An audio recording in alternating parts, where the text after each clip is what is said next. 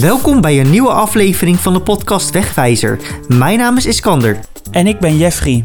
Ook in de winter zorgt Rijkswaterstaat voor goede bereikbaarheid door schone en veilige wegen.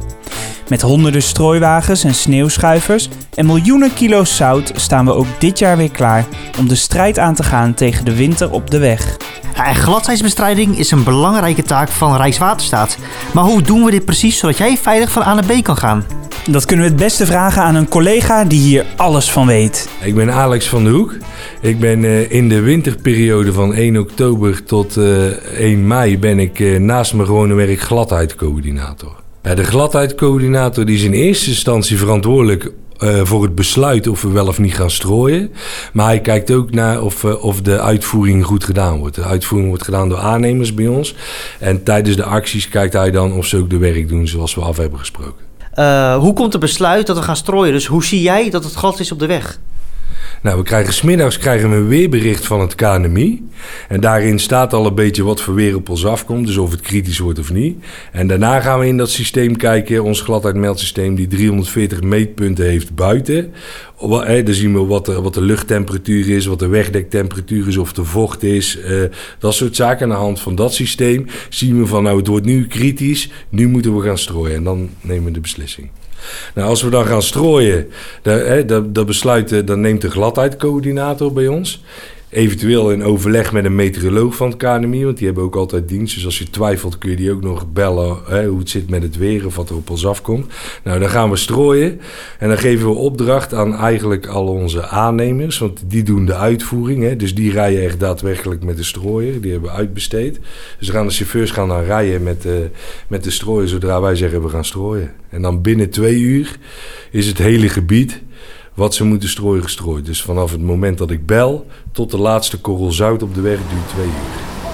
We zijn hier op een van de steunpunten van Rijkswaterstaat eh, in Wouw in Brabant langs de A58. En Iskander, wat gaan we hier doen? We gaan een aannemer spreken die zout strooit op de weg. En op het moment dat het glad is, dan komen zij in actie. Ja, en dan vertrekken ze vanaf hier. En hier ligt ook dus het zout opgeslagen. Dus een leuke plek om eh, te horen wat ze doen. Mijn naam is Anton Verloon van de firma Verloon Grondwerken en wij bevinden zich op het steunpunt Wouw. En ik ben strooiwagenchauffeur. Hoe ziet jouw werkdag eruit als je moet gaan strooien? Ja, meestal word je s'nachts, in de meeste gevallen word je s'nachts uit bed gebeld. Eh, als ze niks zeggen, dan is het eigenlijk gewoon de standaard en dat is eh, 14 gram nat. En als er eh, specifieke dingen zijn, dus eh, zwaar winters weer of ze vertrouwen het niet, dan krijg je wijzigingen te horen en dan ga je gewoon rijden. En je blijft je weet eigenlijk nooit van tevoren wanneer je thuis komt. In de meeste gevallen weet je natuurlijk wel, want is het s'nachts rond. eh je strooit meestal s ochtends voor de spits. Nou, dan weet je, ik ga er om drie uur uit, drieënhalf uur later sta ik terug eh, op de zaak en dan kan ik met mijn dagelijkse dingen gewoon verder. Je zei eh, iets van 14 gram gram, ja. nat. Ja. Wat is dat? Dat is de standaard. Dus je 14 gram zout per vierkante meter. Eh, ja, dat is gewoon de, de, de standaard voor je, voor je, voor je strooibeurt, zeg maar. En dat kan dus anders zijn als het eh, harder vriest of zo. Of als Ja. er meer sneeuw valt. Als het harder vriest, dan ga je naar. eh, dus, dus je hebt 14 gram nat, je hebt 20 gram nat, dat is als het wat harder is. Ehm, dan kan je mee, zelf kan je hem dan ook nog regelen als jij de snelweg rijdt en je zegt van nou dit is extra, kan je hem nog een stukje maximaal zetten. Je hoort het strooiwagenchauffeur Anton net al zeggen. 14 gram nat per vierkante meter is de standaard. En dan nat zout, dat houdt in dat we het droge zout nat maken met een zoutoplossing, waardoor het beter op de weg blijft liggen. De vraag die bij mij heerst, of misschien ook bij jou Jeffrey, hoe lang het zout op de weg blijft liggen?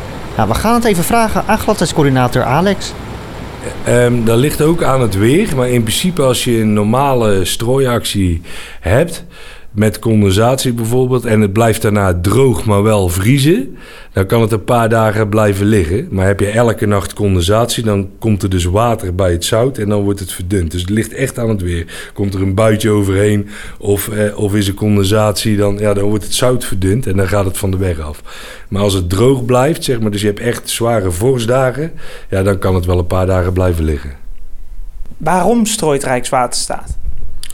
Nou ja, we strooien in principe voor de veiligheid als allereerst.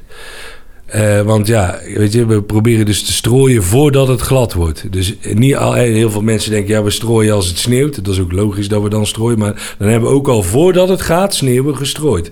Want hè, als er zout ligt op de weg en het gaat daarna sneeuwen, dan blijft die sneeuw niet plakken op de weg en dan kunnen we het er nog afhalen. Maar we strooien dus echt voor de veiligheid. Dat was gladheidscoördinator Alex. We gaan nog even terug naar het steunpunt in bouw, naar strooiwagenchauffeur Anton.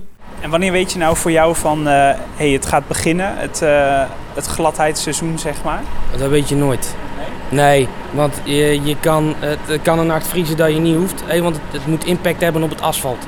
Eh, dus die meters naast de snelweg die moeten afgaan en dan mogen wij komen. Het kan vriezen, dat kan, ja, dat kan het, de weg niet aantasten omdat de temperatuur beneden gewoon nog normaal is, zeg maar. Dus als jij rondloopt, dan kan jij eh, ja, het gevoel hebben dat je ja, 5 graden of, min 2 vriest. Maar dat wil niet zeggen dat het het asfalt aanpakt. En zolang het het asfalt niet aanpakt, hoeven wij niet uit te rukken. En eh, ik neem aan, je, je rijdt s'nachts en op veel eh, snelwegen mag je s'nachts weer mag je gewoon 130 rijden. Rijden jullie met strooiwagens ook zo hard? Of ho- hoe zit dat precies? Wat werkt de weggebruiker op de weg van als jullie strooien? Eh, wij strooien met strooiers die aangedreven worden door eh, dat wij rijden. Eh, er zit een aandrijfas die is aangesloten met een koppeling op mijn banden. En wij mogen 70 km per uur maximaal rijden. Als we hem aanzetten tussen de 50 en de 60. Ik rij eigenlijk zelf altijd 65 tot 68 km per uur. Als we boven die 70 gaan is de kans dat de machine beschadigd wordt. Ja, dat wil je natuurlijk niet. Erik, ik ben er weer vandoor.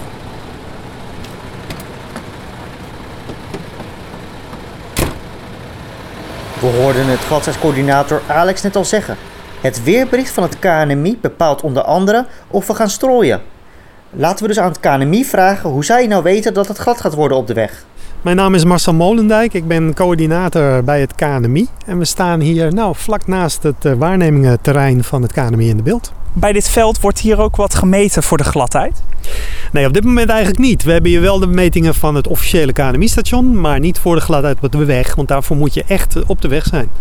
Ja, want er staan eh, stationnetjes langs de snelweg. Ehm, eh, hoeveel hebben we er daarvan en waar staan die? We hebben er ruim 300 en die staan over het hele land verspreid. Hoe weet het KNMI en daarmee dus ook Rijkswaterstaat nou dat het glad is?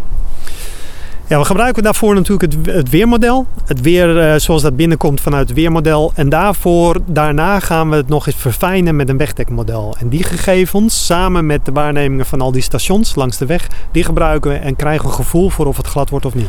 En eh, je zegt het al even, wegdekmodel. Maar hoe komt dat precies tot stand? Het wegdekmodel is eigenlijk een verfijning van het weermodel. Je moet je voorstellen, het weermodel rekent op allerlei niveaus in de atmosfeer. Hè. Niet alleen aan de grond, maar helemaal ook tot, tot de atmosfeer. Eh, heel hoog in de atmosfeer. En een wegdekmodel, ja, daar wil je eigenlijk alleen maar de berekeningen hebben die voor jou van belang zijn. Hè. Want we willen niet weten wat voor temperatuur het wordt op een grasveld. We willen weten wat voor temperatuur het wordt op het asfalt zoals het er ligt op het hoofdwegennet. Op de A12 in de buurt van, eh, van, van Lunetten. Daar zijn we in geïnteresseerd. Dat betekent dat we specifiek een model gemaakt hebben die juist dat doet. Dus die rekening houdt met het feit dat die bodemlaag bestaat uit asfalt. Met daaronder ook weer een bepaalde ondergrond. En dat gebruiken we om uiteindelijk toe te werken naar de verwachte wegdektemperatuur. Dit was de vijfde aflevering van de podcast Wegwijzer van Rijkswaterstaat. Voor meer informatie kijk op onze website www.rwsverkeersinfo.nl. Ben je benieuwd of er in de afgelopen 6 uur gestrooid is door ons en waar precies? Nou, bekijk dan de strooikaart op www.rijkswaterstaatstrooit.nl. En die zie je ook waar de strooiwagens rijden. Heb je vragen over gladheid, strooien of een andere vraag over de snelweg? Bel dan 0800 8002 of stuur een tweet naar @rwsverkeersinfo.